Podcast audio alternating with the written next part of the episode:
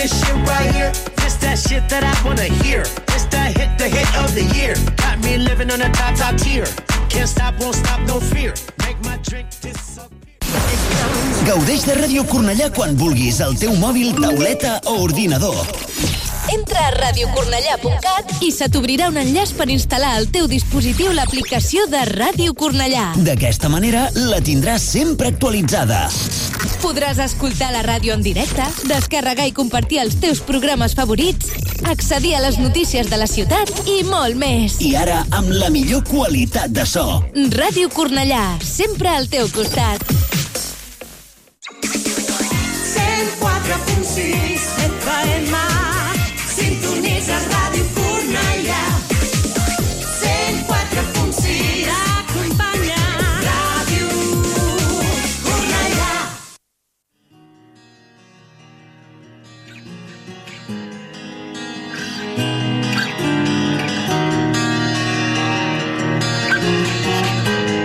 En Radio Cornellá comienza el octavo día. Lo mejor 等待大变大。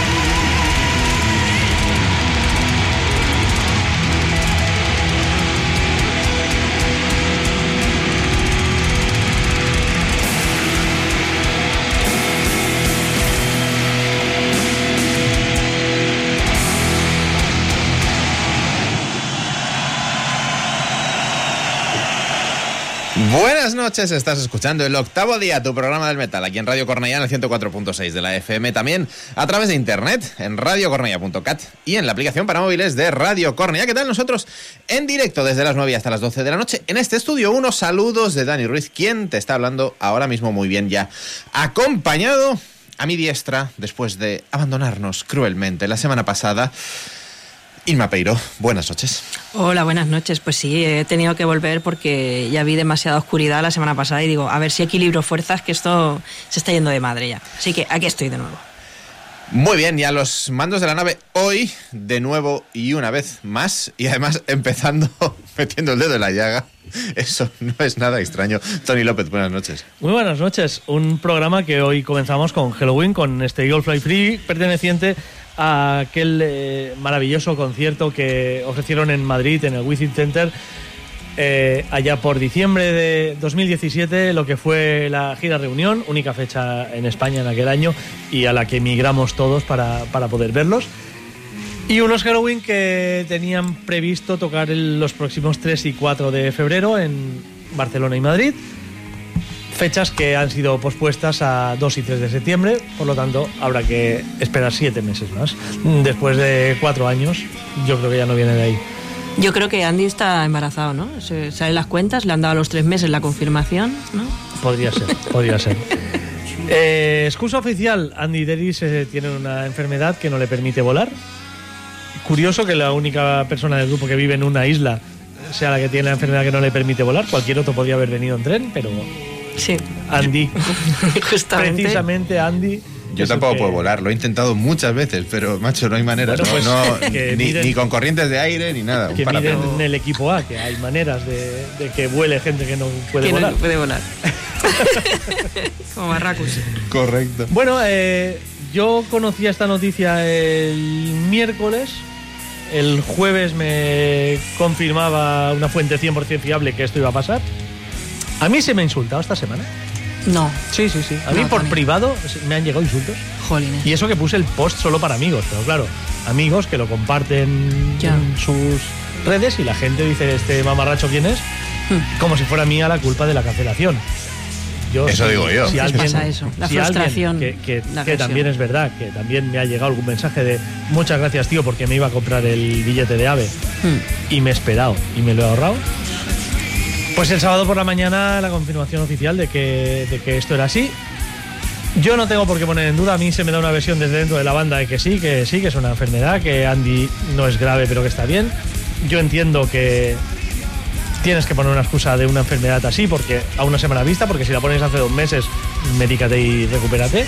Pero claro, el tema es que no ha habido más tiempo por eso, porque si tienes que alegar enfermedad, tiene que ser muy cerca del evento para, para llegar a, a una cancelación. Bueno, se ha especulado mucho. El- estas dos fechas de febrero eran únicas. Eran un oasis en, en los planes de Halloween de directo de este año. En mayo tienen varias fechas, en junio, julio tienen varios festivales. Hablaremos sí también aquí. Hmm. Y en septiembre tienen varias fechas más. Cuadraba muchísimo más meter estas fechas en mayo o en septiembre que no lo de febrero, que es reúnete todos. Es cierto que es un set list, que es, es ABC, lo tienen por la mano, pero bueno, mínimo un par de ensayos tienes que hacer. Sí. Reúne a toda la gente que vive del grupo, que vive en partes de Europa diferentes. Eh, dos, tres ensayos mínimo, mueve todo el material en el camión o dos camiones que, que se muevan, contrata a los veintitantos eh, fijos discontinuos que tienen para, para la gira. En fin, que es una movida muy grande como para que no fuera suculento decir, mira, lo vamos a poner donde la maquinaria, la maquinaria ya está en marcha, ya Claro. tenemos más Correcto. bolos, todo está en, movi- en movimiento y por lo tanto se puede aprovechar. No queremos tampoco dudar, no tengo ni- ninguna prueba para decir que es falsa la enfermedad de Andy Deris, pero sí que es verdad que huele muy mal. Si es cierto, Andy, recupérate pronto y bien. Eso es. Había voces que decían, pues que hagan los conciertos sin Deris. Mm, No hay que ser así quien, tampoco. quien haya visto a Halloween, bueno, primero es que te estarían ofreciendo la mitad del producto. Claro. Y segundo, quien haya visto a Halloween últimamente verá lo justísimos que van Kiske y Hansen a la voz. Hansen da para lo que da ya. Bueno, a la voy al espectáculo también, porque Ya. Andy Deris es un, Sí, dinamiza- un dinamizador de Correcto. muy bueno. No, y Kiske es que además va muy ayudado. Sí. Va muy ayudado. Es, es una maravilla verlo y oírlo, pero es un tío que lleva muchísima ayuda y llega a los conciertos fundido. Te podían haber ofrecido una hora, hora y cuarto de muy pocos temas. Es que no, no lo veo, no lo veo. Es mejor que se aplace y vamos a ver si a la quinta por fin va la vencida. Estábamos escuchando, como digo, desde este Alive in Madrid, eh, Eagle Fly Free. Ahora tenemos eh, Keeper of the Seven Keys de fondo. Una canción que era una de mis favoritas de Halloween hasta que fui a Madrid, vi este Oh. concierto y se convirtió en la gran favorita. Ah, qué susto.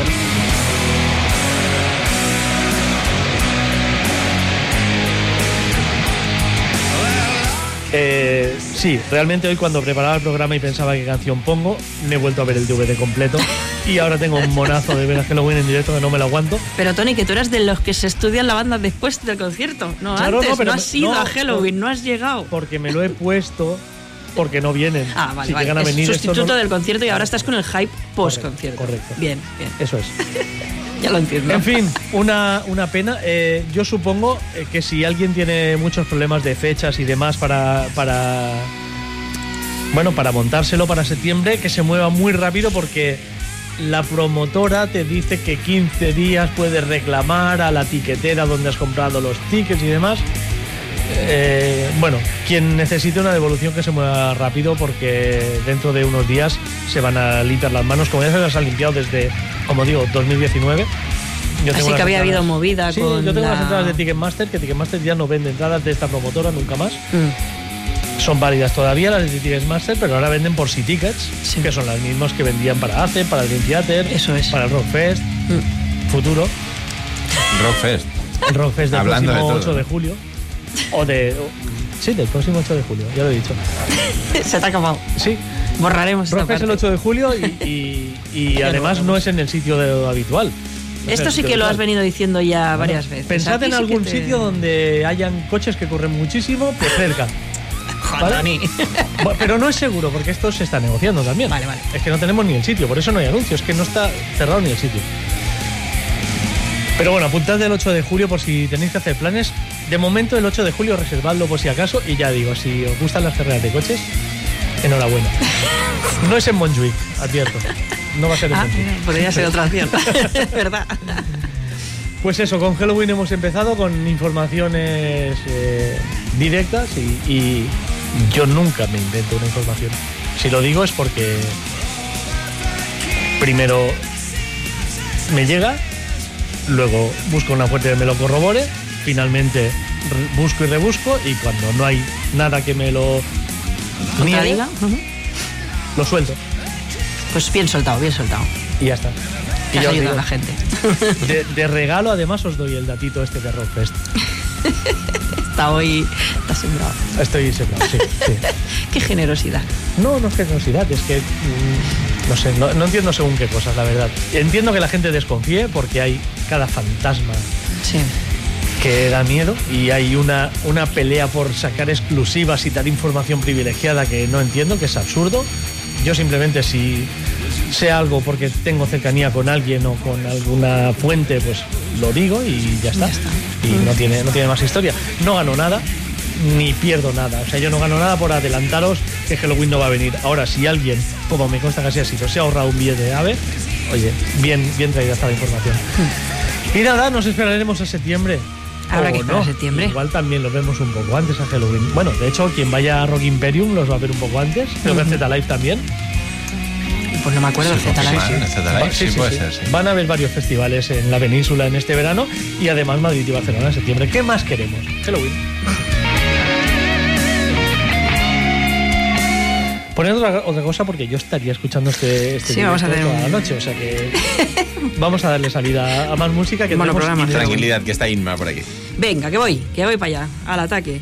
Em, bueno, pues yo voy a empezar ya con nuestra sección favorita, los malditos suecos. Bueno, de hecho creo que hoy me voy a mover poco. Bueno, en alguna ocasión me voy a mover, pero me voy a quedar en el frío. Em, una banda sueca que saca segundo álbum. En este caso, pues el proyecto viene liderado por Pete Alpenborg, a ver si lo sé decir bien, en un momento. Y bueno, eh, es una persona que ya en el primer eh, disco nos dejaron bastante flipados con el, con el trabajo que sacó de la manga.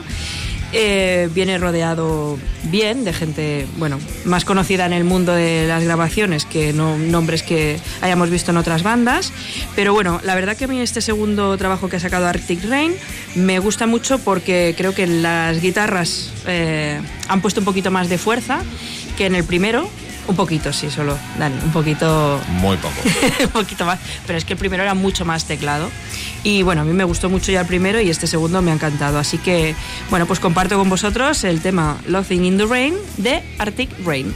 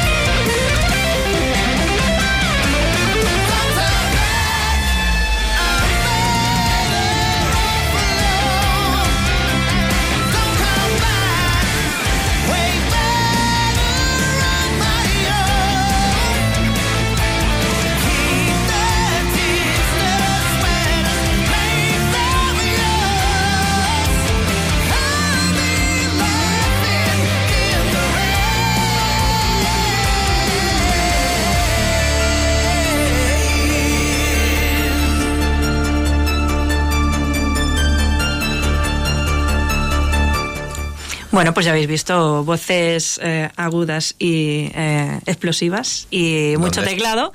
Pe- a ver, Dani, no me estabas escuchando. Estabas ahí haciendo cosas de. buscando black metal y así no se puede. Correcto. Para escuchar esta música hay que estar inspirado. Y bueno, en general, que es un segundo trabajo muy bueno. eh, si no habéis escuchado el primero, también os lo recomiendo porque también era muy bueno. Y en este ya te digo que tiene un poquito más de toque de guitarra, han subido un poquito más de toque de guitarra, pero los teclados siguen estando espectaculares y la voz sigue estando muy guapa. Así que lo recomiendo 100%. Y ahí lo dejo. El octavo día es tu programa extremo en la noche de los domingos, Exacto. pero hoy no. De momento. Yo quiero hacer una. y Quiero, quiero hacer un descargo respecto al programa de la semana pasada. Porque no creo que hubiera una falta especial de metal extremo.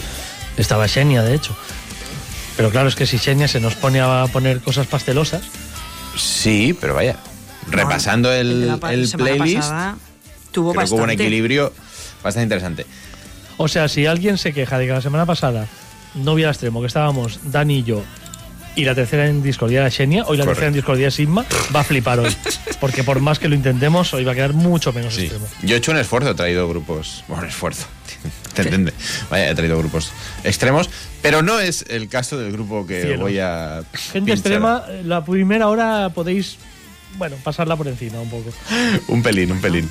No, prometo que mi segunda intervención será extrema. Ahora no, me quedo en Suecia, en eh, Estocolmo, con el segundo trabajo, un trabajo aparecido hace dos días de la banda Crony, una banda eh, que nos ha hecho pelear ahí en Miami para ver quién, quién la pinchaba. Reconozco que este Operation Phoenix, segundo trabajo después del Kings in the North de 2021, eh, hizo, me hizo removerme en el asiento con la primera canción, que da título al, al disco, porque realmente sonaba muy ahora demasiado, disco editado por Frontier Records, pero la verdad es que luego coge carrerilla, ¿verdad, Inma? Mucho. Eh, bueno, mucha, a ver, tampoco Mucha. nos flipemos, no es thrash metal, pero bueno, sí que coge más cuerpo y se hace más hard rock de aquel que, que me gusta a mí. De hecho, eh, varias canciones de este disco se han ido ya a mi lista de mejores temas de 2023, me han encantado. El segundo era el elegido a priori, No, pero ponlo, A ponlo, si yo no tengo. no, no, no, eh, pero es que al final me he decantado por el tercero, In the Name of the Fallen. Ah. Eh, hemos hecho una pequeña prueba hace nada, como hacemos siempre, vaya, eh, antes de empezar el programa, y ya. Ya estamos. Solo con los, una crítica. con los cinco primeros segundos Tony ha rajado de la hostia, pero espero que a, a- Pero somos dos contra uno, Tony. a quienes gustéis. Es que del- ese, ese teclado, a ver a la audiencia que le parece. Ese Sí, sí. teclado que inicia, igual el tema luego es buenísimo, pero a mí ese teclado que inicia, no. A Vale. mí. El tema es buenísimo. Lo- con el teclado podemos discutir. en cualquier caso, lo nuevo de Crony suena así: In the Name of the Fallen.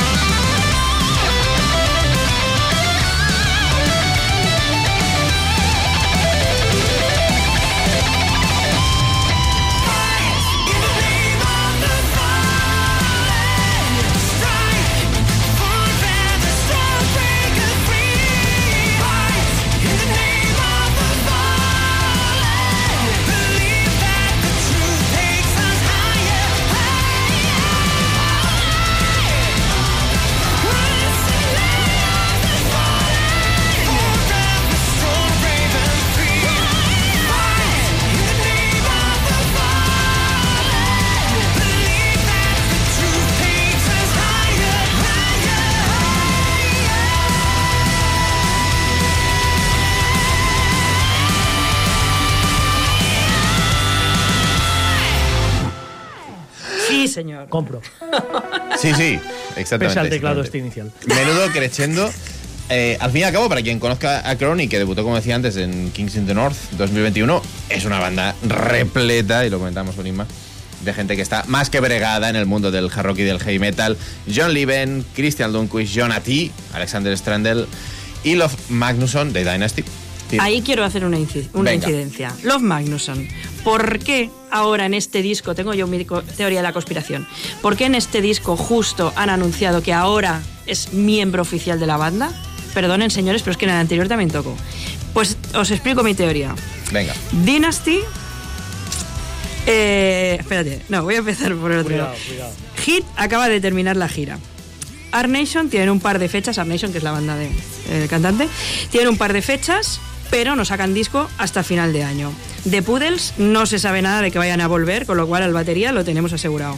Europe tiene gira a partir de octubre, con lo cual John Leven hasta octubre está listo de papeles. O otra opción podría ser ser teloneros de Europe, pero bueno. Y Dynasty tienen fechas en marzo y en agosto, que por cierto vienen a Leyendas. Este señor Los Magnusson se puede ver en Leyendas porque vendrá con Dynasty. Eh, digo yo, en todo este periodo, hombre, señores de Crowley, una girita, ¿no? Una girita europea, cuatro o cinco dinero. fechitas. ¿Has mirado la gira de Jolin Turner también? No. Ah, es que igual está con Jolin Turner girando. ¿no? Sí. Claro, es que esta gente toca en mil sitios. Sí, sí, eso es así. Tenía mi teoría. Maldición. Bueno, yo la seguiré sosteniendo. Miraré la gira de Jolin Turner Sí. y si veo huecos, llamaré a Jonati y le diré, Jonah, reúne a los muchachos y vente. Bien. Llama a la banda. Este, esta- este tipo de proyectos frontiers que, que luego no tienen su respaldo en directo. eh, Pero ahí está la diferencia, que ellos ya han dicho, él forma parte de la banda. Cuando normalmente cuando son proyectos frontiers dicen, eh, viene Pepe, sale Juan, ¿no? Ya. Están siempre así. No dicen, bueno, yo, yo, esta es una banda. yo creo eh, la diferencia entre formar parte de la banda o estar en la banda, creo que es a nivel básicamente monetario. Tú eres un asalariado de la banda ¿Mm? o bien pasas a formar parte de la banda, por lo tanto pasas a participar de beneficios si los da y es otro, bueno, te- eh, es otro juego diferente. Eh, veremos. Es otro veremos. juego diferente. Y a este nivel, no es un nivel muy alto seguramente, pero bueno, ahí, ahí Yo creo que con- un disco no puedes salir a girar, es difícil. Es difícil, porque tienes que hacer versiones, tienes que tirar de cosas. Bueno, Bueno, pero ver. con dos ya. Con un disco puedes salir a girar perfectamente. Bueno, queda y, y además cojita la cosa. ¿no? Tienen, canciones de sus otros grupos como para rellenarse el list. Ya, claro, pero Porque igual tú- no las pueden tocar también. Igual no la digo. pueden tocar, tú vas a ver a Crowny y quieres que John Liven te toque algo del catálogo. Europe, claro, claro. Además del catálogo chungo de Europe, de esas que Europe no te tocan. Hmm. o de esas que este hombre le puede dar ahí un empaque vocal. Eh, Claro, que ahora a lo mejor Joy Tempest no hace, ¿no? Y este lo Porque podría hacer porque hace falta, ¿eh? Porque Joy Tempest No, no, no, está sobradísimo, tal como va. Sí, sí, sí. Pero bueno, este le puede dar otro. 40 aniversario 40. Europe, ¿eh? Es la gira. 40 aniversario, No de está- banda, no ¿eh? está mal. Qué heavy. Oye, hablando de buenas voces, vamos a, a hablar de una gran voz y de un gran amigo además de este programa, como es Eric Moya, el que fuera vocalista de Deldrac y que abandonó la banda de Kimi Montañés, que también, de hecho, es una banda que está en stand-by porque Kimi reformó Legion y Deldrac ahora mismo los tenemos... Bueno, No de- se es que de hecho reformó Legion con, con, bueno, con dos ex miembros también de Decade of Aggression, que está parado. Y Deldrac, bueno, pues... eh, de momento están en stand-by porque Miguel, el, el batería, había entrado como batería de Deldrac, por lo tanto, eh, de momento tenemos a David Saavedra, que es el único Deldrac que no lo tenemos ahí involucrado en, en estos temas, pero tampoco han dicho que Deldrac haya parado oficialmente, o sea, están en stand-by. Pero vamos a lo que vamos, que es Eric Moya el que, el que fuera eh, vocalista. Bueno, claro, estoy pensando, claro, el cantante de Deldrac también. eh, También, sí, eh. Claro, ya no es Eric, cierto. Eh, pero Eric, bueno, pues se ha movido por otras tesituras musicales muy sorprendentes además. Y se ha enrolado en una banda llamada Thick Kind, que realmente es una banda que no es de lo que solemos escuchar en el octavo día. Es un tipo de, metal que yo realmente no sabría definirlo, o sea que os lo voy a poner y, y vosotros vais a, a ver por dónde van los tiros. Acaban de editar un- una baladita acústica que creo que no es definitoria, por lo tanto os voy a poner el, el primer tema que estrenaron que se llama The Real Truth. Y la verdad es que los instrumentos suenan de lujo, la producción es de 10 y Eric canta como quiere. Ahora bien, es un estilo que yo personalmente no consumo y no entiendo demasiado, pero os lo quiero poner para que veáis el nivelazo que hay en estos Kind. Esto es The Real Truth.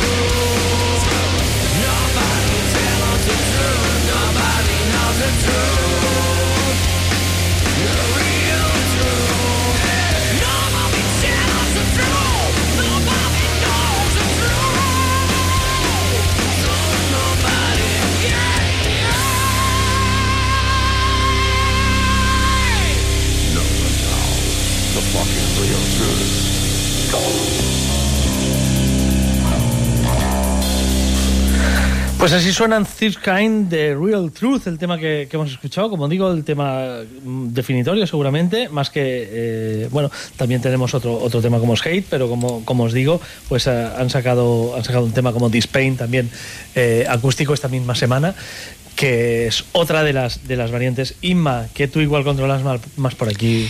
Bueno, no, lo que estaba viendo es, pues, tiene mucho, entronca mucho con el Slazy, pero no el, el Slazy jarroquero de Laca que vino tanto aquí, sino que había como una variante que estaba más tocando al rock sureño, digamos. Y entonces como parecía que rebajaban un poco las revoluciones, pero no es cierto porque las guitarras además están muy bien, suelen ser muy rítmicas y la voz además de Eric eh, suena espectacular, como tú decías, ¿no? Canta muy bien. Yo lo veo más por ahí, bueno, quizá entroncando un rock alternativo, pero sí, no había una, ya te digo, una rama del Slazy que, que pegaba mucho con el rock sureño y, y yo creo que va un poco, hay temas de Cinderella, por ejemplo, que están más ahí que no en el hard rock donde los encajaban, ¿no? Creo que, que, bueno, la verdad que suena muy bien, como tú decías, está muy bien producido, muy bien grabado y puede tener, puede tener una buena tirada, la verdad. Vamos a ver cómo, cómo crecen y, y por qué sector de público crecen también, porque no sé. No, no Creo sé. que es un sector de público bastante alejado al que puede ir a ver a Deldra, que en un momento dado está explorando otros terrenos musicales, Eric, y, y desde aquí lo apoyamos y, y lo celebramos. Thick Skyne se llama la banda. Fix.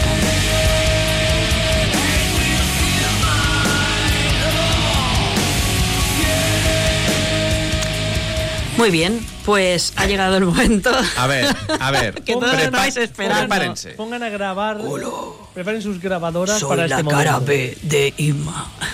Eh, ponerlo al revés y me escucharéis diciendo el grupo que voy a poner ahora. No, yo como soy muy bien mandada, nos han pedido nuestros oyentes queridísimos que querían un poquito de extremo y he dicho, ¿por qué no yo mm, voy a traerlo? Por motivos obvios.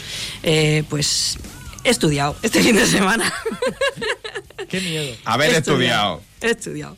Y me he decidido a traer dos cosas, las otras ya las pondré más tarde, pero ahora os voy a poner un grupo de pagan black metal, no sé si es raw o no raw o qué, eh, que se llaman Drug y son de Ucrania. O sea que traigo black pagan metal Ucrania. Yo, Inma, yo no sé dónde te está metiendo. Black bueno, metal espero no estrellarme en ningún lado. Vamos a dejar las consignas políticas a un lado porque igual pringamos fuerte, ¿eh? Sí, no, yo ahí no me voy a meter en ese Yo ahora mismo solo Ellos- quiero hacer camisetas con el logo del octavo día, la cara de Inma y la frase Hoy traigo Black Pagan Metal ucraniano. Eh, venga, va, dejarme, ya que he empezado a meterme en este, en este barrizal yo sola, a ver si salgo. Eh, vale, se- parece ser que es uno de estos grupos que están eh, contra el sistema, tal como está establecido, y que es difícil pues encontrar sus grabaciones y sus historias y que son muy trus ellos. Eh, sus letras están basadas en eh, la naturaleza, el bosque y estas cosas, hasta tal punto que Drug, el nombre de la banda, que es en sánscrito, por si queríais una cosa todavía más friki, significa árbol. Entonces todos sus discos, sus canciones y tal, pues van alrededor pues, de, de eso, de la temática naturalista, de los árboles, los bosques y, y toda la mm, ah, mitología eslava. Eh, no os voy a contar mucho más porque tampoco sé mucho más. Bueno, sí, he revisado que no estuvieran en la lista de esa que os gusta tanto mirar en el chat de Telegram, a los oscuritos. No está en la lista de los malotes. Y siendo ucranianos es su mérito, ¿eh? Es, tenía que ser difícil y además lo han expresado en varias ocasiones claramente ellos que no, que no, que no.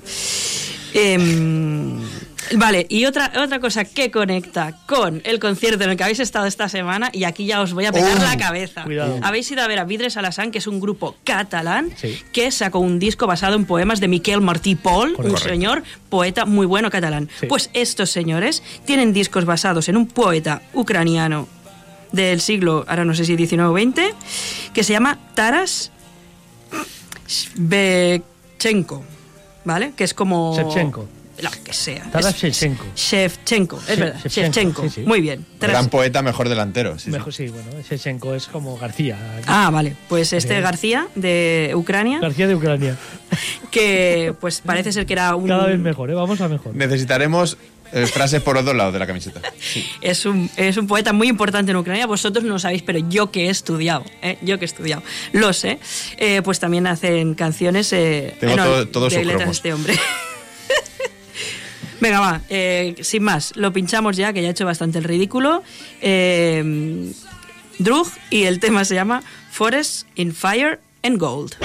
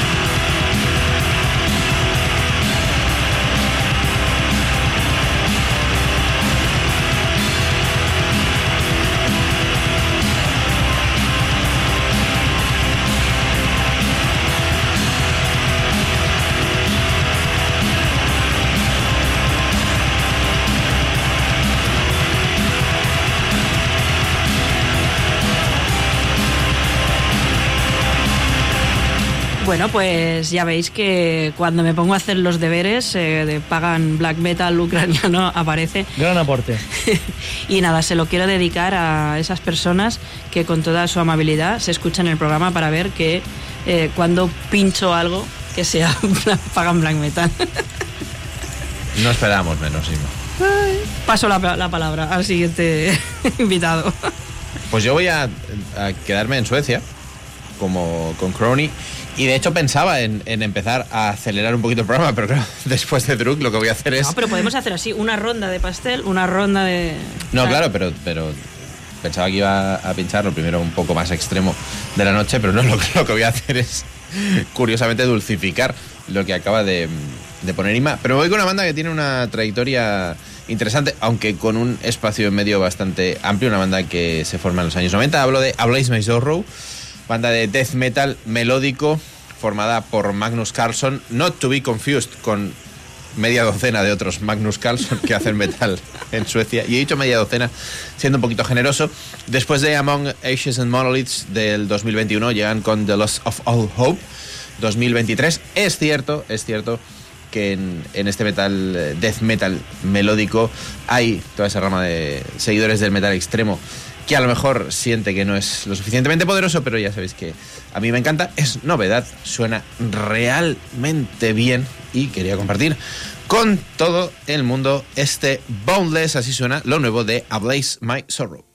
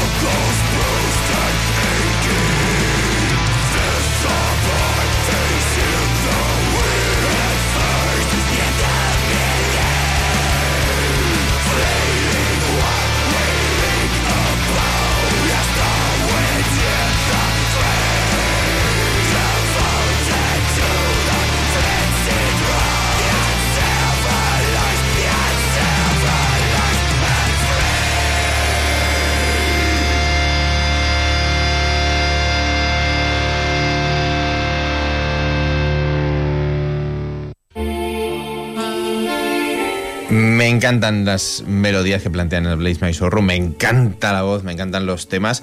Cuatro tiene este EP que acaba de ser editado hace apenas 48 horas, The Loss of All Hope. Es cierto que es eh, un estilo que a día de hoy no es sorprendente, eh, no es original, que ni siquiera diría que suena fresco, pero que bien hecho, como lo hacen precisamente los suecos. Uf, para los eh, amantes de lo melódico que no quieren renunciar a un poquito de caña. Desde luego no podemos, creo, encajar esto dentro del metal extremo de ninguna de las maneras. Si Mark estuviese aquí con nosotros hoy, hablaríamos de lo mismo. Y es que a nosotros este grupo, este estilo, esta música, nos recuerda a Rice. Este, el primer trabajo de Blame My Sorrow, y hablo de memoria porque no he mirado nada, es de finales de, mediados finales de los 90, que creo que es el que tengo yo, el primero. 96. Bueno, sí, pues correcto, pues este, de lo que nos llegaba a Arais nos volvíamos locos y comprábamos mm, nada más pinchar el Pepe el, el tema que abría el disco. Y, y veo que siguen sonando igual. Que, sí, sí, sí. que por un lado está bien, porque sabes, sabes a dónde vas. Pero es verdad que es un estilo también que asociamos mucho a esa época, ¿no? Mitad finales de los 90 y que en 2023, bueno, sigue Bueno. teniendo su público, entre ellos yo. Pero entiendo que a lo mejor una, un- hay bandas hoy en día que lo, lo plantean con una vueltecita. Por cierto, nos están comentando en el chat de Telegram, chat al que podéis acceder, ya sabéis, por eh, enlace de invitación. Eh, mucha gente está muy contenta con lo que acaba de pinchar Inma, pero hay un comentario que, bueno, no sé ni cómo calificar, viene de nuestra querida Mónica. Lo que pincha Dani hoy también mola. ¿Qué pasa? ¿Qué Gracias, Mónica. Hoy, ¿Qué os lo que pincha hoy? Dani hoy mola. Bueno, ¿y qué os pasa hoy? O sí, ¿qué pasa hoy? hoy, hoy. Gracias. Bueno, voy a bajar la euforia. Voy a bajar esta euforia que se acaba de apoderar del chat de Telegram. Eh, voy a rebajar el sufle bastante. y en cambio, su sitio. lo voy a subir. eh, voy a subir los niveles de azúcar, todos con la insulina, la, la insuli- la insulina a punto. Lo siento, Raúl, te pido perdón desde ella. Raúl es uno de los de los, bueno, de los habituales de- del chat que, que se puso a escuchar este disco y lamentablemente hizo caso de las letras. Es un disco al que no tienes que escuchar las letras, Raúl. Pero te compensaré. Te prometo que en el transcurso del programa de hoy te compensaré y con creces porque no sé si conoces un trayazo muy de tu gusto que, he traído. Pero sí, vamos hasta Italia para escuchar a Marco Garau. Yo lo venía advirtiendo, si te gusta el eh, power metal, esto es uno de los discos del año. Si además te gusta el neoclassical power metal, es indiscutiblemente el disco del año. Pero no te fijes mucho en las letras porque hay guerreros subidos a unicornios que van a luchar contra dragones blancos. Y Bueno. sí, es un poquito de vergüencita ajena. Pero bueno, los clichés, los clichés de un estilo. Pero, pero esto lo encontramos en el metal extremo. También hay sacrificios humanos y vísceras Sí, y sí, y clichés. correcto, Hostia, es que no entiendo. Sí, pero quizá aquí Marco se ha pasado un poco de frenada. Un pelín. Hay algunas Lo de los letras- unicornios, un pelín. Hay algunas letras que, que dices, wow, mamá. No es el caso del tema que hablé de, de Black Sorcery, y es que si antes empezaba el tema de Crown con un teclado que. meh, a mí cuando un disco empieza con este teclado, yo ya estoy, ya estoy. O sea, todo lo que venga detrás me va a gustar. The Black Sorcery es como se inicia el nuevo trabajo de Magic Opera de Marco Garau.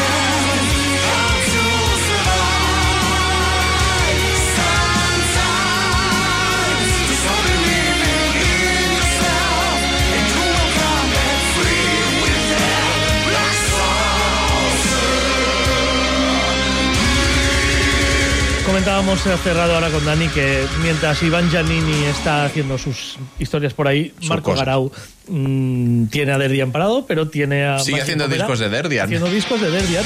Es, es que todas las canciones podían ser Derdian. Eh, la épica, estas melodías espectaculares, como, como esta que, que abre de, de Cosmic Crown. También música clásica hecha eh, power metal, hoy día, porque al final las estructuras son de, de música clásica. Y sí, es cierto, letras, bueno, con muchísimo tópico. Pero al que disfruta este estilo, esto es maravilloso. Marco Garaus Magic Open.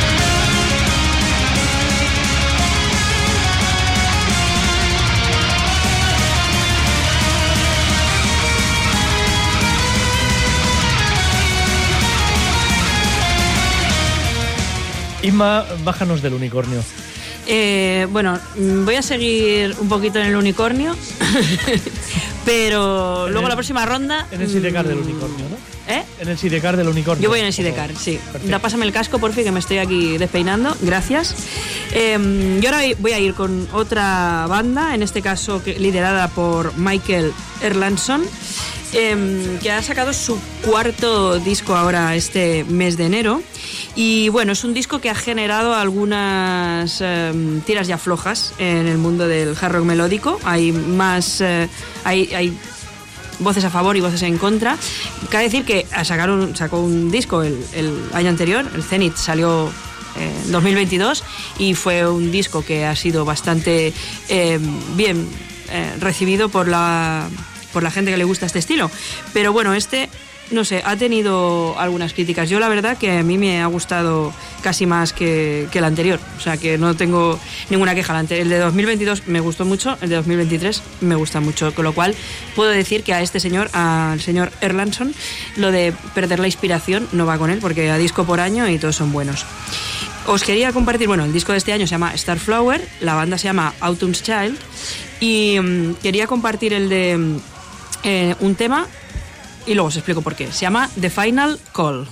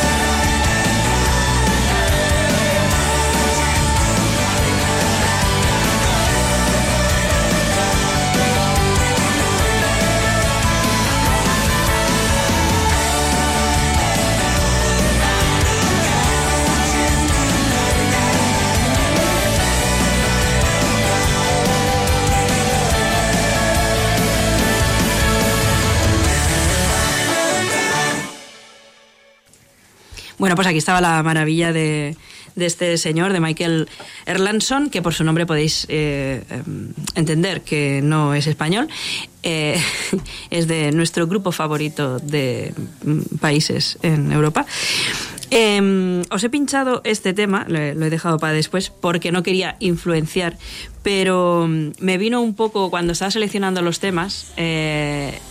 Eh, me vino la inspiración del chat cuando comentaba alguien en el chat de Telegram que cuando no sé qué canción pusisteis de, de las de Japón, de Japón, ¿no? De especial sección Japón, que alguien decía, a mí me suena canciones de dibujos animados.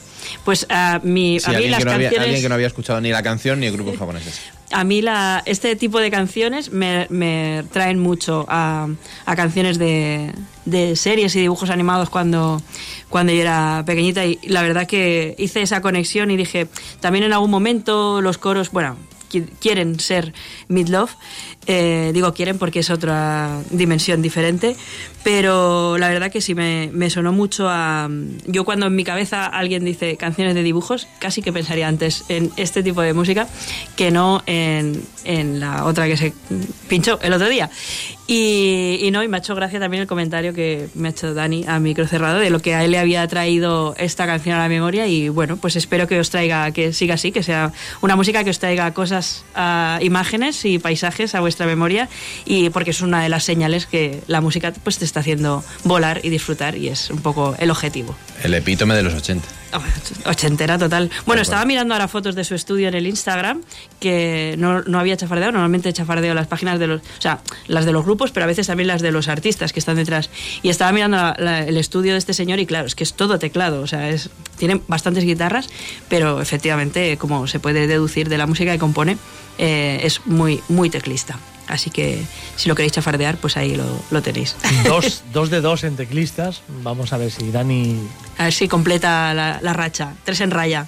No. Ni de black metal de ese teclista. No, no, no, no, no. Eh, de hecho, me voy a trasladar a Brasil y no voy a decir mucha cosa de esta, de esta banda. Quiero que la Mm, misterio. escuchéis. Me haría mucha ilusión que Inma no la conociera, Me aunque encanta. es difícil, ¿eh? Me encanta. Sí. No sé qué vas a poner, pero es Ah, bueno, no, no, claro, es, es brasileño. Es decir, Ya está. buenísimo. Eh, a Tony le encanta y espero que le encante más porque uno de los componentes de la banda es alguien que por aquí nos gusta bastante. Sin embargo, sin embargo, y esto es lo que hemos comentado más de una vez últimamente, en Brasil se está haciendo mucho metal, mucho hard rock, mucho heavy, mucho de todo y todo muy bien, pero creo que este estilo en concreto no lo hemos traído desde el país sudamericano. Y vamos a ver qué tal. He elegido el tema, el disco me ha gustado en general bastante. ¿Me puedo tirar a la piscina sin haber dicho qué grupo es ni qué disco es? ¿Estás pinchando Twilight Aura? No, Ay, No, no, no, no, rozando. no. Vale, no, no. fallé. No, es- está un poco... No, no es ni tangencial, diría. Vale, perfecto. Pero además he elegido este tema porque me ha hecho mucha gracia, ya que hoy hablaba eh, gente en, en, Telegram, etcétera, al respecto de poner metal extremo. Lo que voy a poner no es nada extremo, pero hay un tema, el tema que yo he elegido, es uno de mis temas favoritos de una banda que sí hace metal extremo. Así que, en fin, paradojas. Del hard rock, vamos a Brasil con Electric Mob.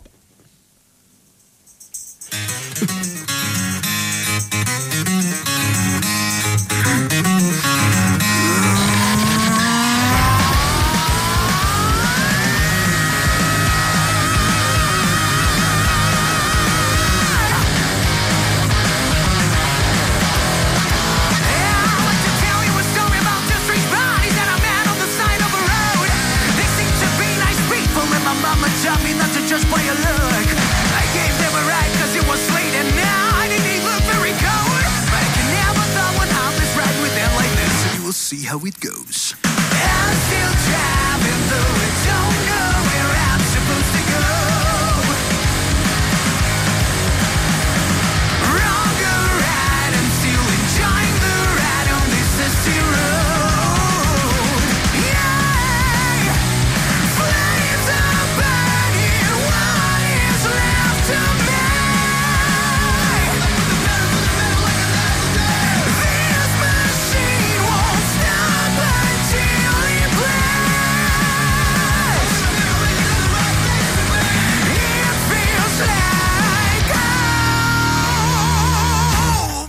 Kingdom come.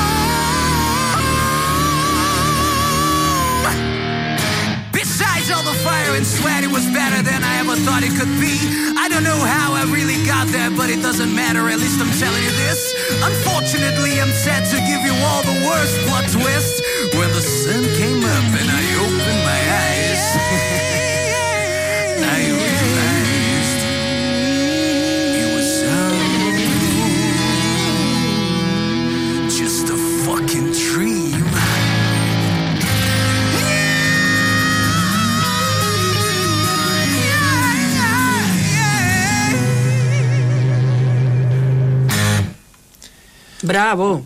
Banda que dio sus primeros pasos en eh, épocas de pandemia, que obviamente ha fichado por Frontiers, cuarteto brasileño de Curitiba, que por cierto, tienen una sección eh, de tienda en su web muy curiosa, no porque podamos encontrar camisetas o su primer CD, Discharge, a un precio, por cierto, de 35 reales, Bien, que bien desconozco cuánto es el.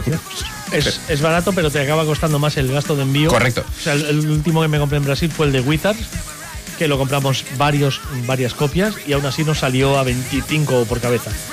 Siendo muy baratos allí, como son. Creo que salía 7 euros el CD Coño. al cambio y con gastos y aduanas y la madre que nos parió a todos, se iba, se iba a ese precio. Qué barbaridad. Podéis encontrar, podéis encontrar este To Make You Cry and Dance, que es un nuevo trabajo aparecido hace 48 horas, pero es que también podéis encontrar bebidas alcohólicas de la banda Electric Mob, sobre todo, evidentemente, cachaza. Me ha parecido bastante curioso. ¿Quién conforma estos eh, fantásticos Electric Mob desde Curitiba, Brasil? Pues André Leister, Yuri Helero, Benur, que eh, me parece un nombre maravilloso, por cierto, Benuro Water, y a las voces, Renan Zonta. Evidentemente, como decía en el chat de Telegram, al que hemos escuchado muchas veces en el octavo día y que a mí en lo personal me flipa. Sí, con un tema así, no movéis el esqueleto, levantáis el puño y movéis la cabeza, estáis muertos por dentro. Me ha encantado el disco A mí me debut gusta muchísimo ¿eh? esto. y espero que lo tengas en tu lista, Isma, también. Ya ha subido, vamos, eh, 80 posiciones en la lista de pendientes de escuchar. Me lo tenía ahí, pero tampoco sin prestarle mucha atención, pero lo acabas de subir como 20 peldaños. Va a ir. Pues eh, ya. sepáis que hay vida más allá de Frontiers ¿eh? también. Que, Sí, sí. Que estáis, Hoy, hoy se ha dado Sí, sí. la circunstancia. estáis atrapadísimos. No, he pinchado de Pride and Joy también, pero bueno, es igual. Venga, vale. Eh, pues mira, yo he estado haciendo un- un- una recopilación de conciertos que me voy a perder en febrero por temas laborales.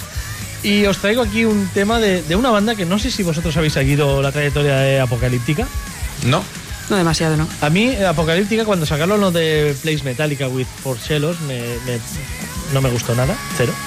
Y luego escuché del segundo disco que también era algo así, aunque metían un batería. Bueno, no lo sé. La cuestión es que A ver, yo los he escuchado con el batería y eso sí. Vale, a mí no me gustaba nada esa propuesta, por lo tanto los aparté totalmente hasta que hace relativamente poco tiempo vi por ahí alguien que ponía un tema de apocalíptica en, no sé si fue una story o en algún post, algo así, y pensé, hostia, hace muchos años que no escucho a esta gente, a ver si siguen haciendo lo de los chelos. ¿Y cuál fue mi sorpresa al encontrarme un puñetero temazo que me hizo irme a buscar discos de Apocalíptica y realmente hay discos muy disfrutables. Apocalíptica viene en el próximo 10 de febrero a Barcelona teloneando a Épica. Mm, Este en principio sí se va a hacer. Ratmatazuno.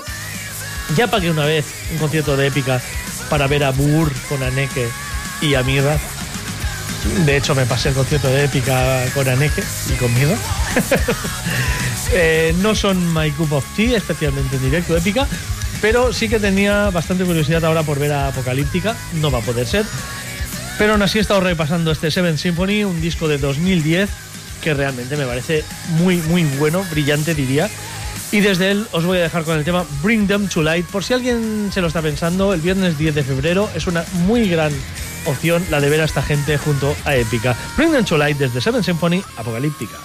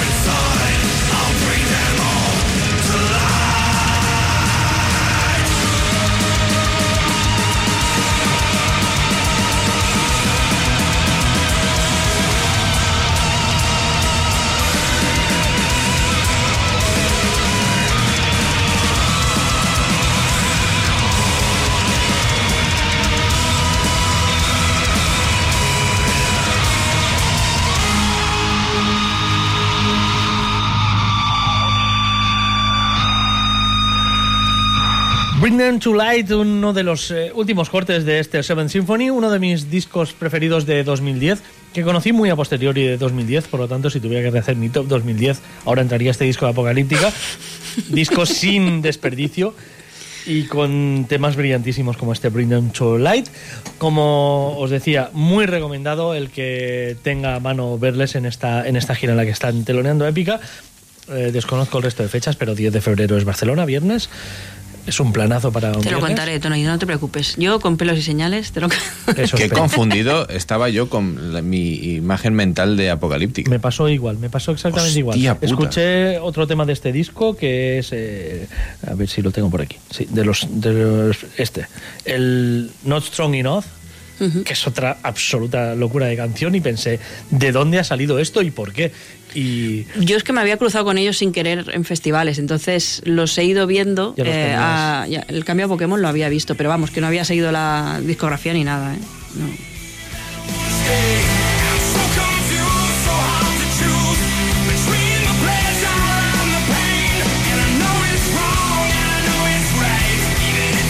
esta canción fue la que me hizo. Hostia, voy a escuchar el disco y a partir de ahí he recuperado la discografía de Apocalíptica. Y ahora, bueno, lo que me jode perdérmelo es el próximo día 10 en, en Ramataz, no está escrito. En fin, eh, os animo, como os digo, a los que tuvieseis la misma idea que, que nosotros, o que yo mismo hace, hace un tiempo sobre eso, los cuatro frikis de los chelos haciendo versiones de, de Metallica, pues no, la verdad es que tienen discos muy aprovechables y muy recomendables como este Seven Symphony Apocalíptica.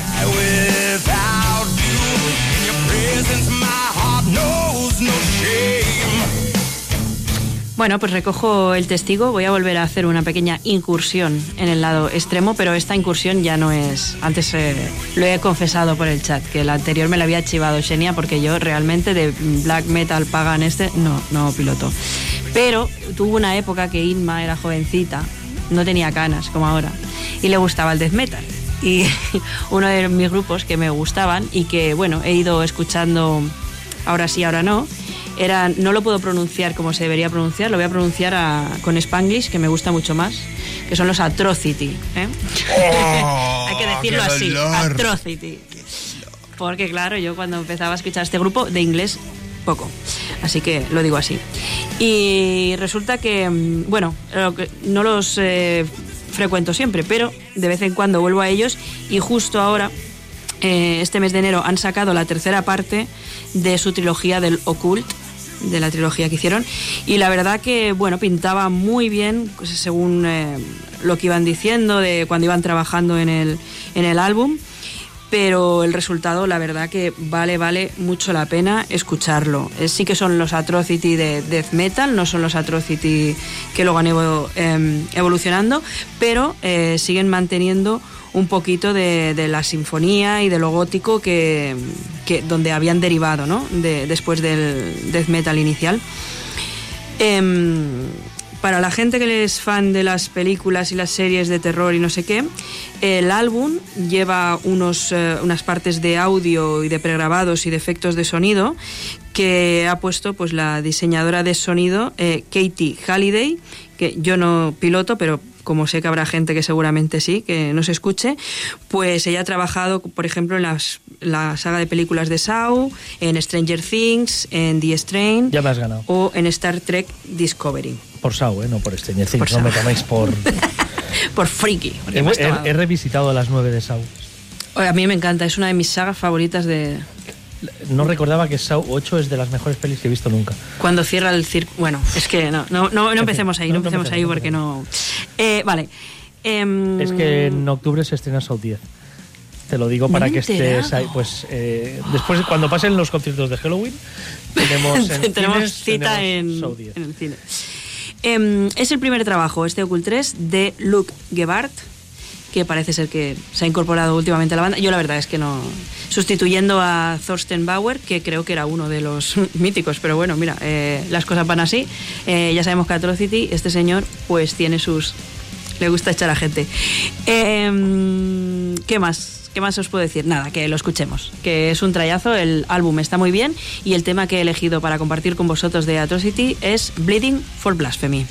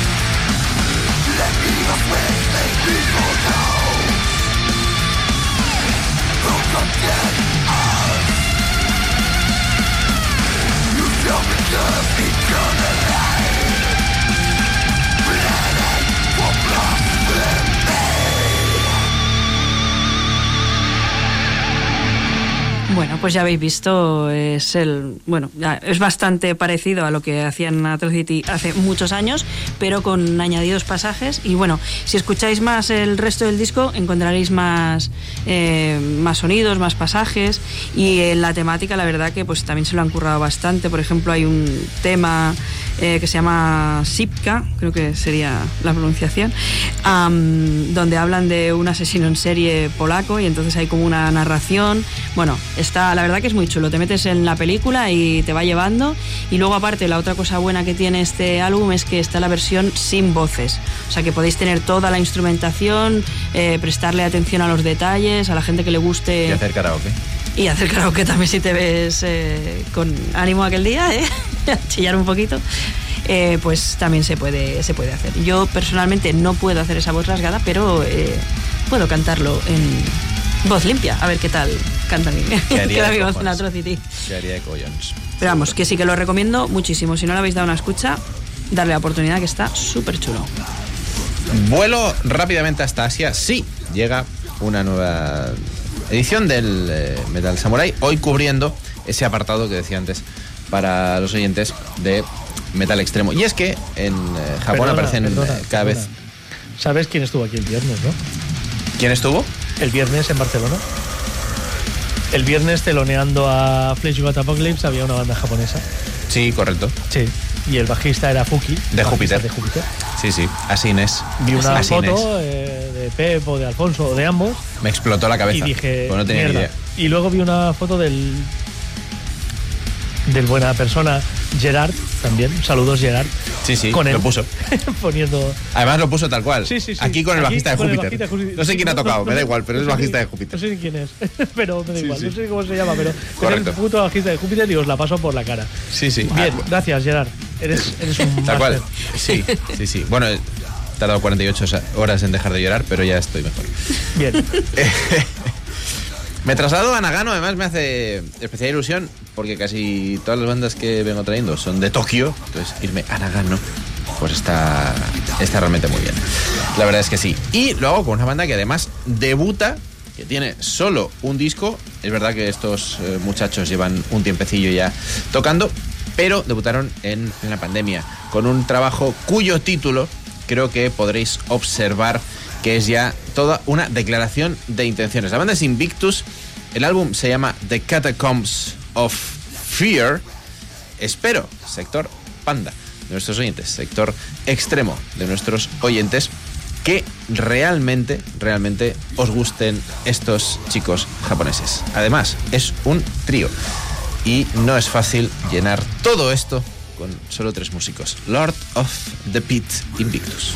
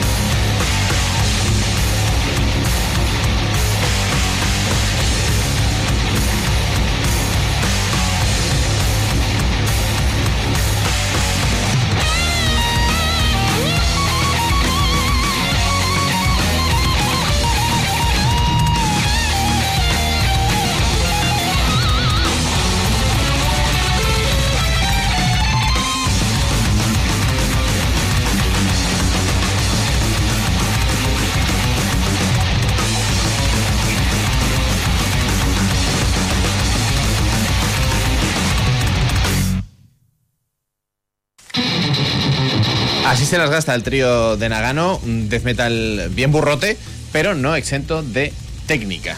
Me ha encantado. Como debut, creo que cumplen y cumplen con nota. Toshihiro Seki Haruki Tokukake y, atención, esto voy a intentar decirlo sin que se me haga un nudo la lengua, Takei Topsi, que el chaval es graciosillo, Seki, también eh, eh, músico en eh, Destopía. Por cierto, Haruki Tokutake eh, toca en una banda llamada Parasitario, así, tal como suena.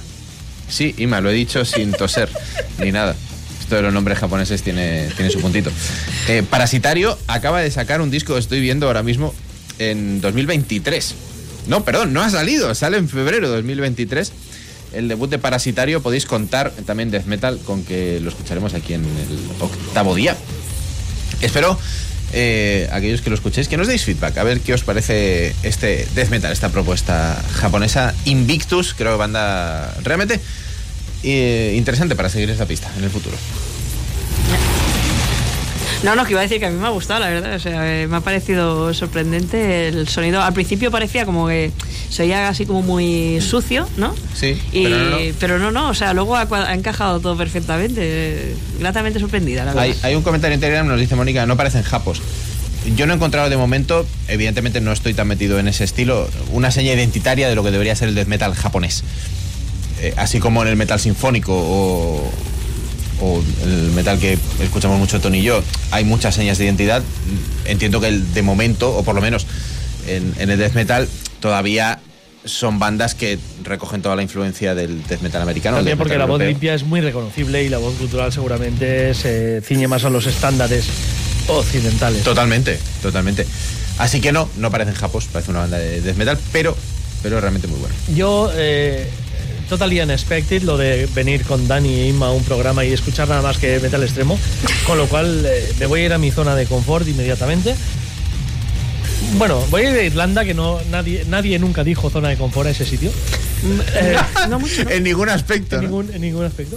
Eh, para poneros el trabajo debut de un trío que salía este pasado viernes 27 de enero.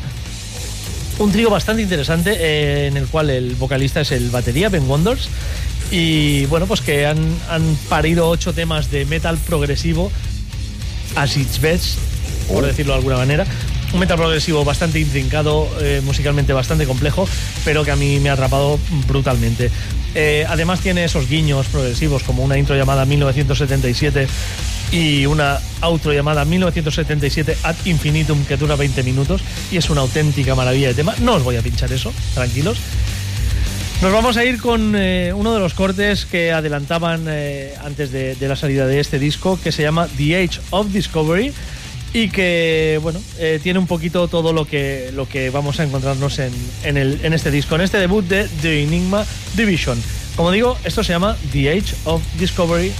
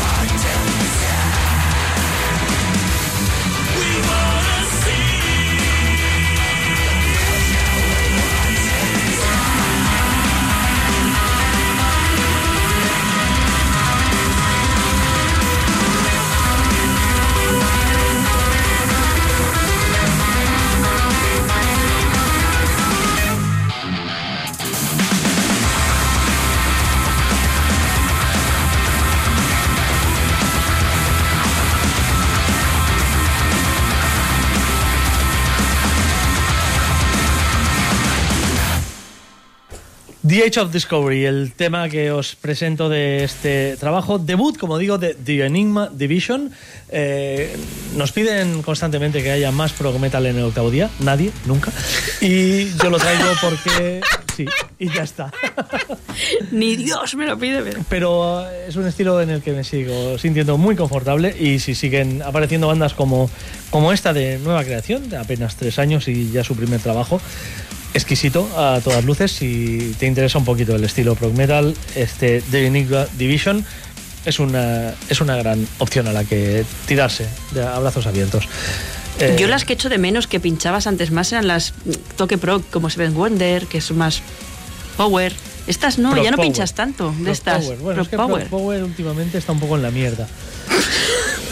Pero sí, sí, siguen habiendo cosas, siguen habiendo cosas interesantes. Anubis Sigue buscando Gay. amigos, sigue. Sí, Anubis Gay sigue sacando cosas chulas. Eh, Teramaze. Trae más, traméis, trae, Bueno, trae estas cosillas, trae cosillas de de estas.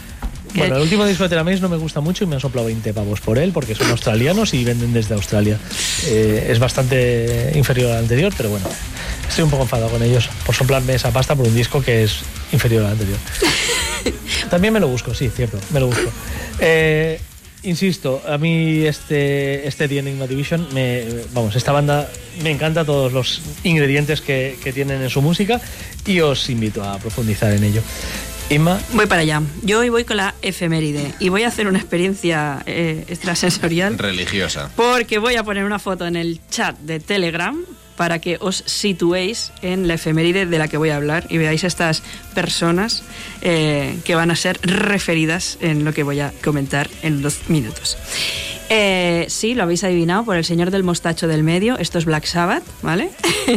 y me remonto al disco que sacaron el 28 de enero, por eso mm, la efeméride, porque ayer estábamos 28 de enero del 86, señor Dani.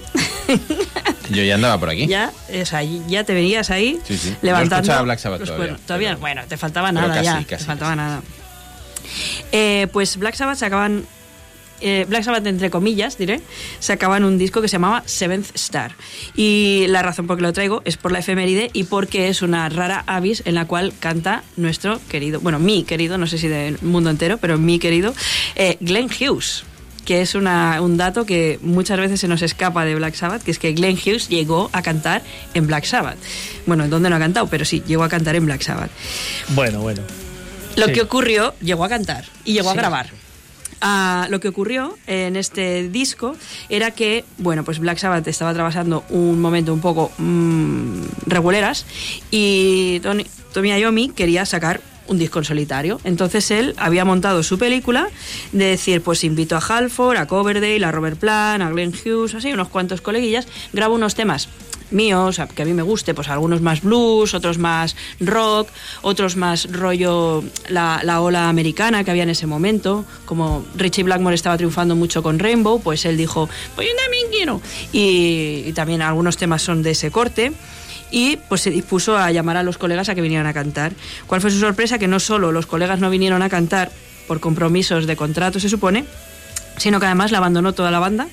Se fue toda la banda por, el, por la puerta de atrás, exceptuando el teclista, que no lo abandonó en la grabación, pero lo abandonó a la que empezaron la gira. Con lo cual se quedó Ayomi más solo que, que la una. Eh, como se quedó sin banda, la que era por entonces su pareja, y es otro dato que también a mí me voló la cabeza cuando me enteré, Lita Ford le proporcionó una banda, porque ella tenía también, eh, bueno, pues se movía mucho en las esferas musicales y, y tenía una banda a mano y le dijo, toma, que te los dejo. Eh, finalmente, Glenn Hughes acepta a cantar porque es echado del proyecto de Gary Moore. Glenn Hughes venía de cantar con Gary Moore. Gary Moore lo echa por yonki de mierda, así rápido y mal dicho. ¡Boom! Eh, y cuenta eh, Ayomi en, en varias declaraciones y en su biografía que eh, Ayomi era, se metía mucho de drogas, de cosas, sustancias Eh, prohibidas. sí. Pues decía que Glenn Hughes se metía 10 veces más que él. Qué bien. Y que mientras grababa lo podías ver a veces en- sentado, encorvado ahí, medio muerto en una esquina y que cuando empezaba a cantar le salía esa voz chorro en grito que tiene él y de que yo no sé de dónde la sacaba si parecía que estaba muerto en una esquina. Pues el señor Hughes se grabó el disco, eh, se fueron, empezaron una gira por Estados Unidos de con teloneros como Anthrax y Wasp, ahí es nada también. Maravilloso. Y, y al segundo concierto Glenn Hughes dio muerto. Así que nada, bueno, buscaron a otro vocalista que se acabó la gira de Estados Unidos, se hizo la gira de Reino Unido y eh, todo esto lo podéis ver en, eh, la reedición de 2010 del disco Seventh Star. Tenéis la primera parte es el disco que grabó Glenn Hughes, la segunda parte es el último concierto de la gira de Reino Unido en el Hammersmith Odeon el 2 de junio del 86 cantado por el otro cantante. Así que se puede hacer la comparativa de los temas cantados por Glenn Hughes y cantados por el otro cantante. El otro cantante tampoco es que sea manco, ¿eh?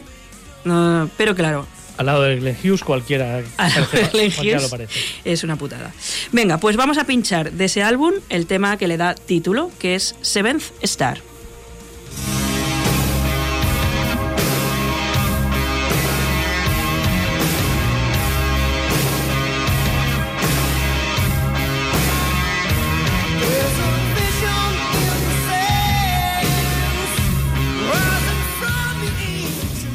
Hi, this is Glenn Hughes, and you're listening to Radio Cornella, and this is Octavo Dia.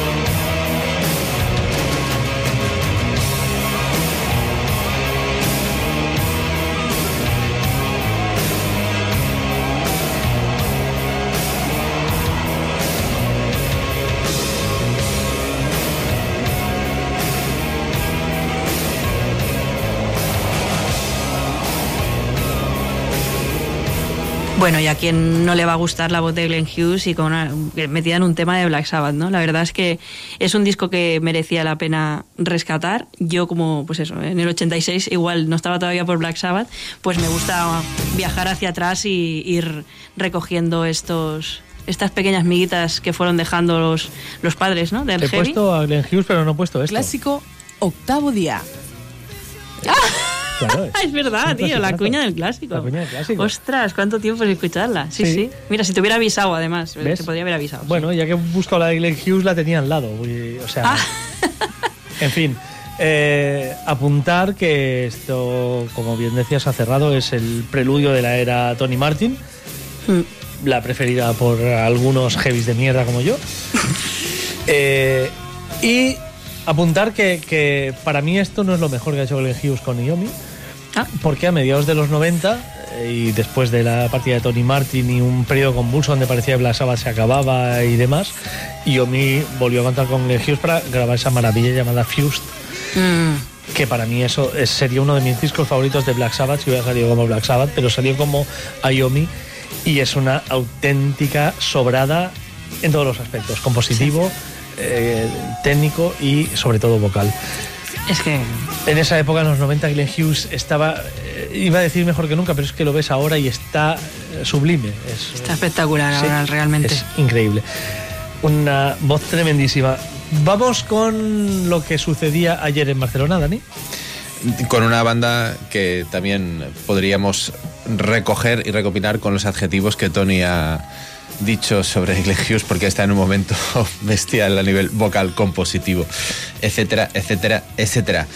Ayer en eh, la sala La Nau de Barcelona tocó una de nuestras bandas favoritas, aunque nos vais a permitir que rescatemos, porque además eh, no siempre coincidimos Tony y yo en el tema concreto favorito de una banda, en este caso sí, y queremos hacer un poquito el honor, aunque no lo pudimos escuchar ayer en directo, lo Ni hemos ayer- escuchado no, en otras ocasiones. Ni ayer ni nunca, o sea, bueno, en otras ocasiones. Igual el- la primera vez que los vimos. Porque En Mephisto, Luego no. en Mephisto, en Mephisto, Eh, sí señor.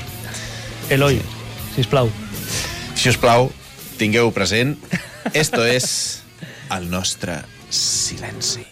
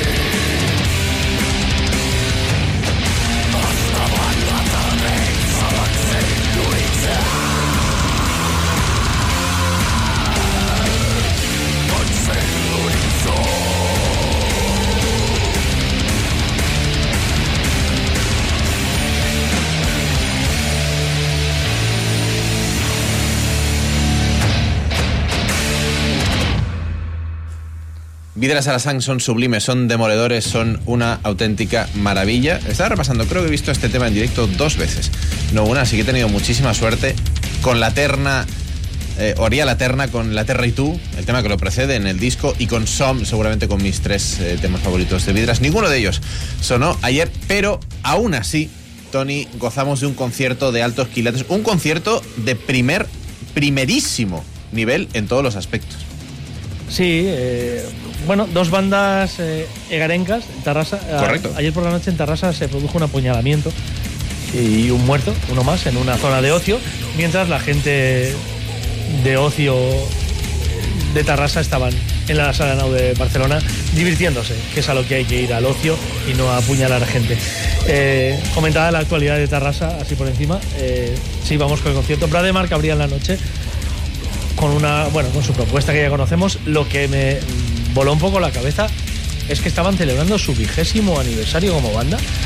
No, o sea, sí, ya hace muchos años que oyes hablar de Brademar, pero no tenía conciencia de que llevasen 20 años en activo y fue un poco una hostia de, de realidad o de Mi primer contacto con ellos, lo tengo que reconocer. Cielos. Más allá de lo Bueno, que se ha pinchado en el octavo día, entiéndeme, ¿no? sí, sí, sí. En directo, desde luego, la primera, yo me llevé una grata, grata impresión, no sé tú, Tony, pero Sí, sí, muy buen disfruté directo. muchísimo del concierto. un muy buen directo, grandes músicos. Y bueno, pues una empezaron un poquito eh, un poco tarde en general el concierto, porque ya abrían puertas ocho y media y comenzaba el primer show a las 9. Además salieron más tarde de las 9. No estamos acostumbrados, ahora estamos acostumbrados a conciertos de merienda cena. Y este en cambio fue cena 100%. Eh, bueno, un concierto corto, eh, conciso y vamos, eh, pim pam pum. O sea, vinieron, nos dieron la, la hostia de, de death metal. Sí, señor. Su toquecito black en el death metal, por supuesto. Y bueno, un gran concierto, la verdad. Un vocalista bueno, muy competente De bellísima forma, sí, sí. y unos músicos excelentes. Eh, Acabó el concierto con un solo de guitarra, por cierto. Sí, Que sí, es algo sí. que se comentó en, en mi zona y era muy curioso. Sí, bastante, sí, sí, bastante curioso porque parecía que se iban, dejaban al guitarrista para hacer un- algún otro tema, pero no era, no. era el fin de concierto. Bueno, No, no. curioso final. Sí, sí. Como curioso final fue el de Vidras también. Luego le comentaba a Eloy de Vidras el, el tema de, bueno, meternos ahí la tralla una detrás de otra, pim pam, pim pam, ni siquiera presentó a la banda.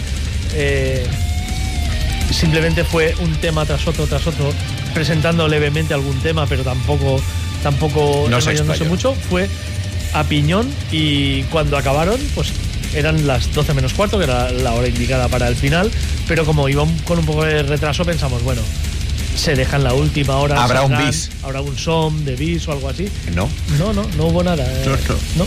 cero. Cero, cero. Eh, reconozco que mi sensación fue un poco de coitos interruptos en ese final, porque yo daba por hecho que iban a salir. Y claro, como me faltaban temas, pensaba, bueno, ahora me los dan. Pero no, no fue así, no fue así. Aún así, eh, como decía antes, no tocaron eh, mis tres temas favoritos de la banda y me fui del concierto con una sonrisa de oreja a oreja y con la sensación de haber visto un fabuloso concierto de metal, de música en general, porque Vidras, eh, con la evolución que han tenido, creo que se salen ya un poquito de las etiquetas que quizás sí podíamos marcar más ¿no? en, su disco debut o con, con aquel segundo Endings. Eh, con una evolución para mí muy lógica y, y muy coherente. Y sí es cierto, y no sé si esto lo compartes conmigo, Tony, creo que sí, los temas que tocaron de Fragments de las d'Avenir, que es un disco al que le tengo que dar más escuchas, pero que a priori no me entró tan bien como los anteriores, me gustaron mucho más cuando las vi ayer.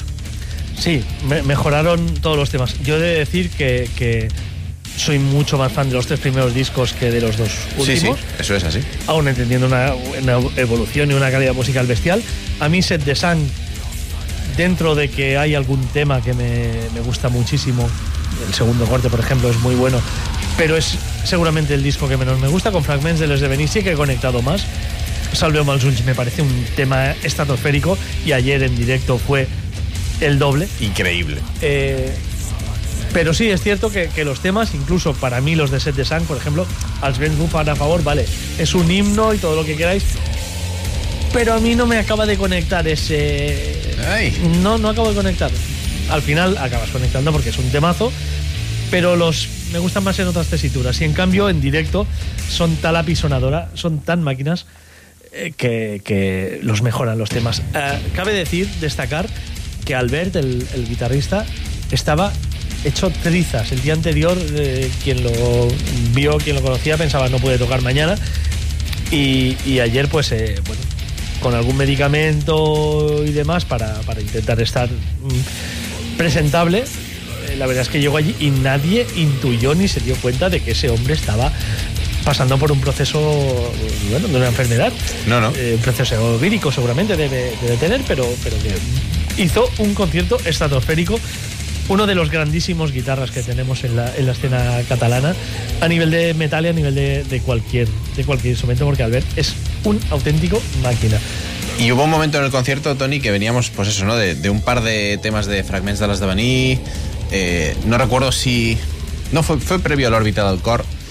Eh, en fin, eh, habíamos entrado en una, una fase del concierto un poquito, entre comillas, más, más aplacada. Y ahí sí que hubo un comentario de Eloy diciendo, bueno, ¿no? Ya estáis diciendo que nos hemos hecho mayores, que ya no estamos para hostias, y nos metieron una bufetada en la cara descomunal. Descomunal. Qué maravilla. Muy buen ambiente en Salanau. No estaba a reventar.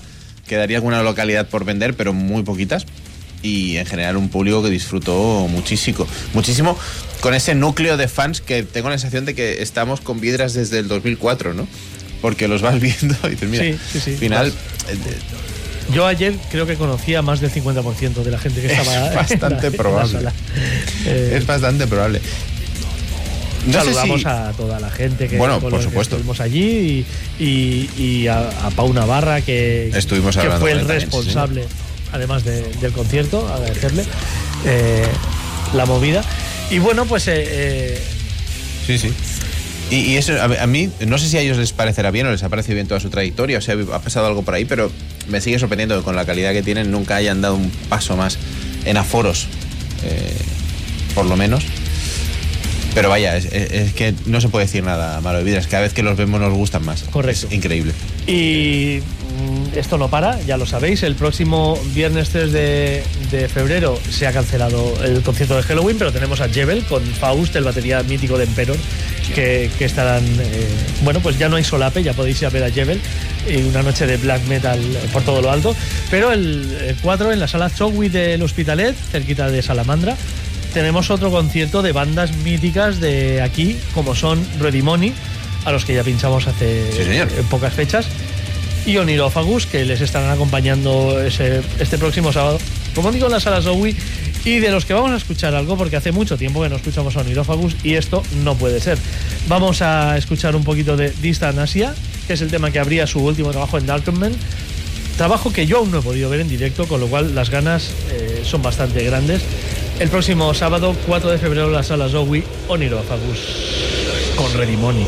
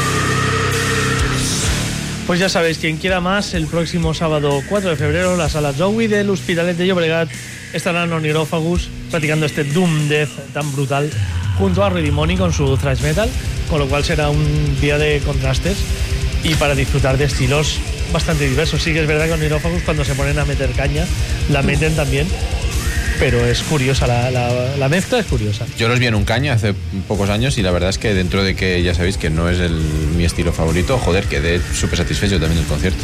Me, me atraparon por completo.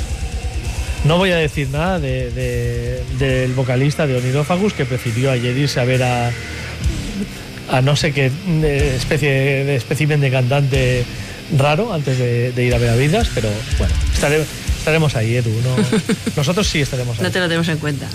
Onirófagos.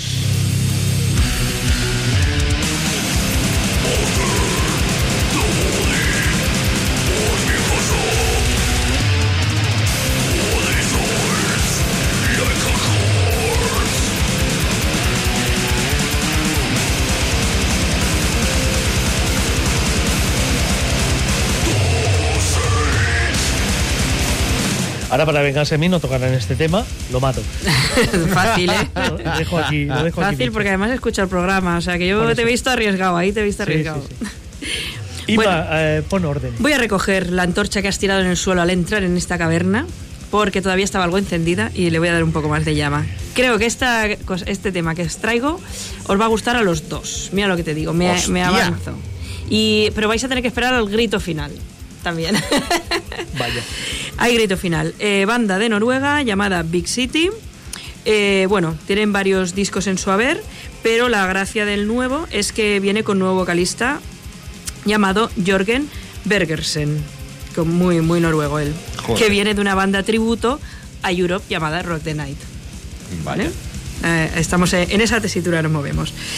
Em, editaron el tercer Big City disco. no es una banda tributo a Scorpions, ¿eh? No. No sería Big City Lies. Bueno, es igual. Vale. Eh, en el 2021 sacaron el tercer disco Testify y ahora ha salido el cuarto disco que se llama Sun Wind Sails. Eh, han intentado metalizar un poco el sonido, no eran tan, eh, tan metálicos, pero eh, al hacerlo le han querido meter unos toques proc y en algunos temas suenan a Dream Theater, en otros a Queen Reich, con lo cual ya os podéis imaginar que, bueno, de sonido está, está chulo. Eh, os dejo con el tema y vosotros Puesto- miráis. Puesto arribísima. la- o sea, Arriba, arriba. Ahora tiene que ser muy bueno esto para, Big para que City. No, he dicho que estén. a- bueno, Big City y el tema Sons of Desire.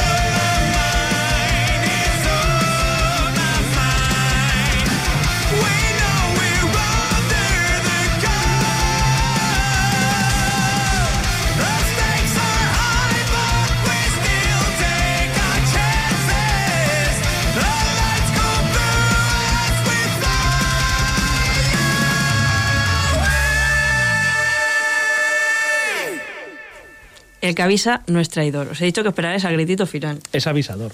Todo bien.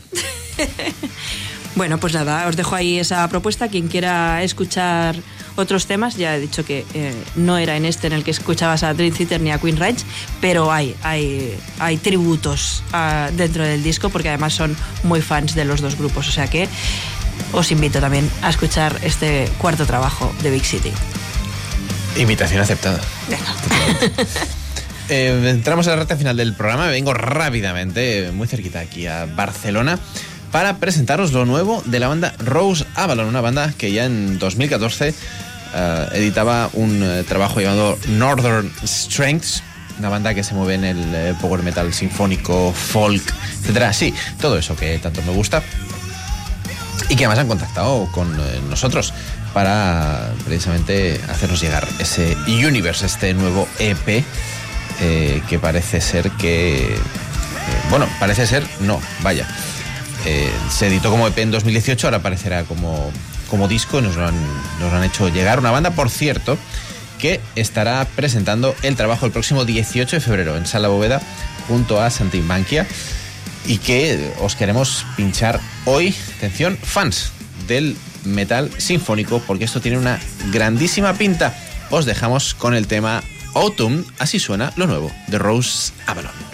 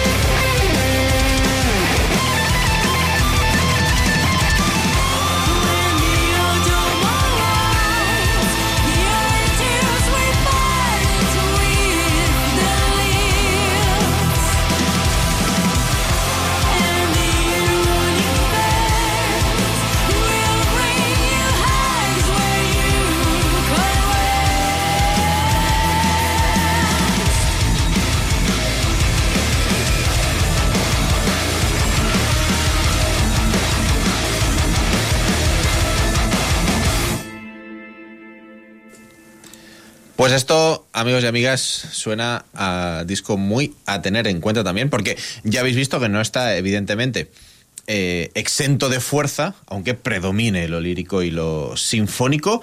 Rose Avalon, como decíamos aquí a, a el proyecto que empezó la propia Rose Avalon, la, la cantante que se ha ido consolidando ahora con eh, también una banda, un cuarteto, un quinteto. Nos ha contratado Jordi Villegas, el bajista, pero me ha encantado y como decía Tony, me ha gustado mucho la voz porque habíamos entrado en una dinámica en la que bandas de este estilo abusaban de, de una voz eh, prácticamente impostada a nivel sinfónico y eso acaba desvirtuando un poquito la música. No es el caso de Rose Avalon, que nos deja con muy buen sabor de boca. Los vamos a seguir de cerca. Próximo 18 de febrero en Bóveda. Muy de acuerdo, muy de acuerdo en tu valoración. Además, eh, añado que el solo de guitarra me ha gustado mucho, con lo cual todos Cierto. los ingredientes están ahí. Vamos con un estreno mundial.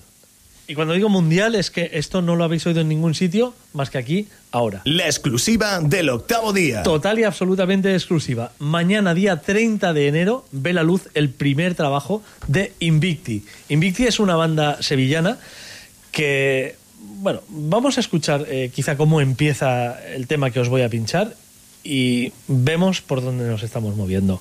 Esto es el sexto corte del primer trabajo de Invicti, se llama The Arena. Prepare yourselves, citizens. By my decree upon this day, a bloodbath will commence. Revel in this battle, for it has come. Wars become deeds by strength. Let the battle begin!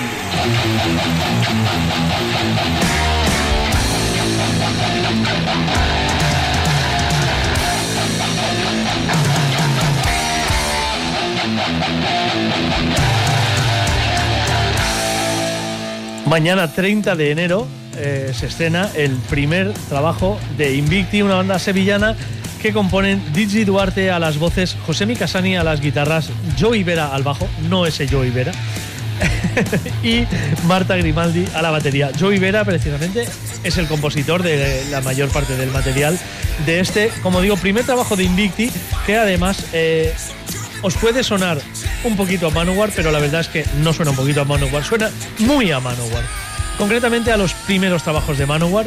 Así que os dejamos que escuchéis un poquito de este The Arena, como digo, el trabajo Songs of Conquest, que se estrena mañana lunes 30. Invicti.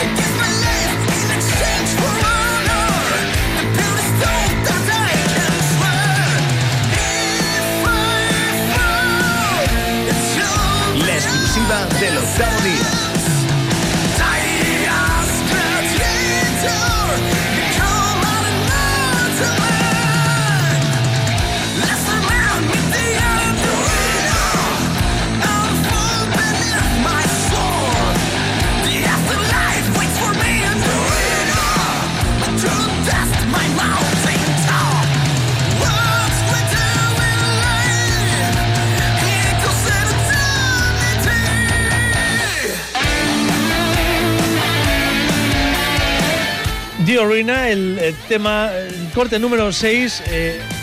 no es el que más me gusta del disco, pero he decidido presentaros esta, este trabajo a través de, de este disco para que veáis un poco pues, por dónde se mueven. Muy Manowar, 100% Manowar. Eh, Inma, a Javi. Yo creo que sí, yo creo que este le va a gustar. que sí, le estoy encargando el vinilo ya. y bueno, un trabajo de sacar en vinilo además también. Ah, sí, sí. qué bueno. Y que, como digo, tiene muchísimos vínculos con la primera etapa de Manowar, hasta el punto que es una portada austera, como lo es la primera de Manowar al final. El águila de Battle Hymn. Y prometo que escucharemos Song of Conquest, que es el tema título de Songs of Conquest, que es un tema 100% Battle Hymn. Toma ya. Es, eh, si Battle Hymns es el disco y Battle Hymn es el tema, en Songs of Conquest tenemos Song of Conquest con su parte interludio en medio lento y demás, que es una auténtica delicia de canción. Qué bueno. Eh, ¿Cuándo has dicho que salía? El... Mañana. Mañana mismo. mañana ya. a las 9 de la noche. Faltan 21 horas y 12 minutos para que esto vea la luz. De momento en el octavo día ya os hemos puesto un poquito de, de lo que se viene y simplemente recomendar muchísimo a todos los fans del eh, auténtico heavy metal que escuchen este trabajo de Invicti porque no, no les va a dejar indiferentes. Como digo, eh, si te gusta Manowar y si te gusta la primera época de Manowar sobre todo, esto te levanta.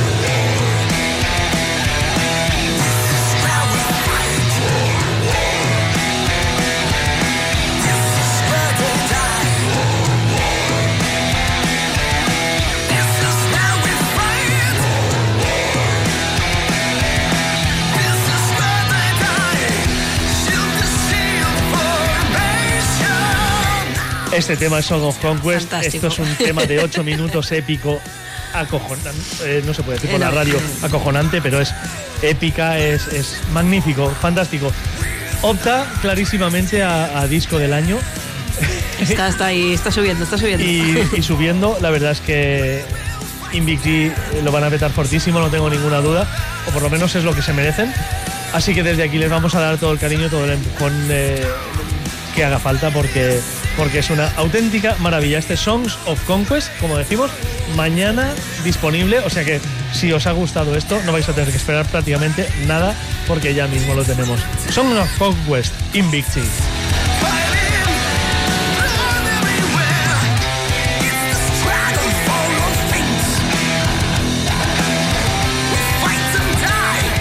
Sirva esto también para comentar eh, sobre Manowar, que, que ya han empezado la gira por Alemania y ya han comenzado sus conciertos con Michelangelo Betio.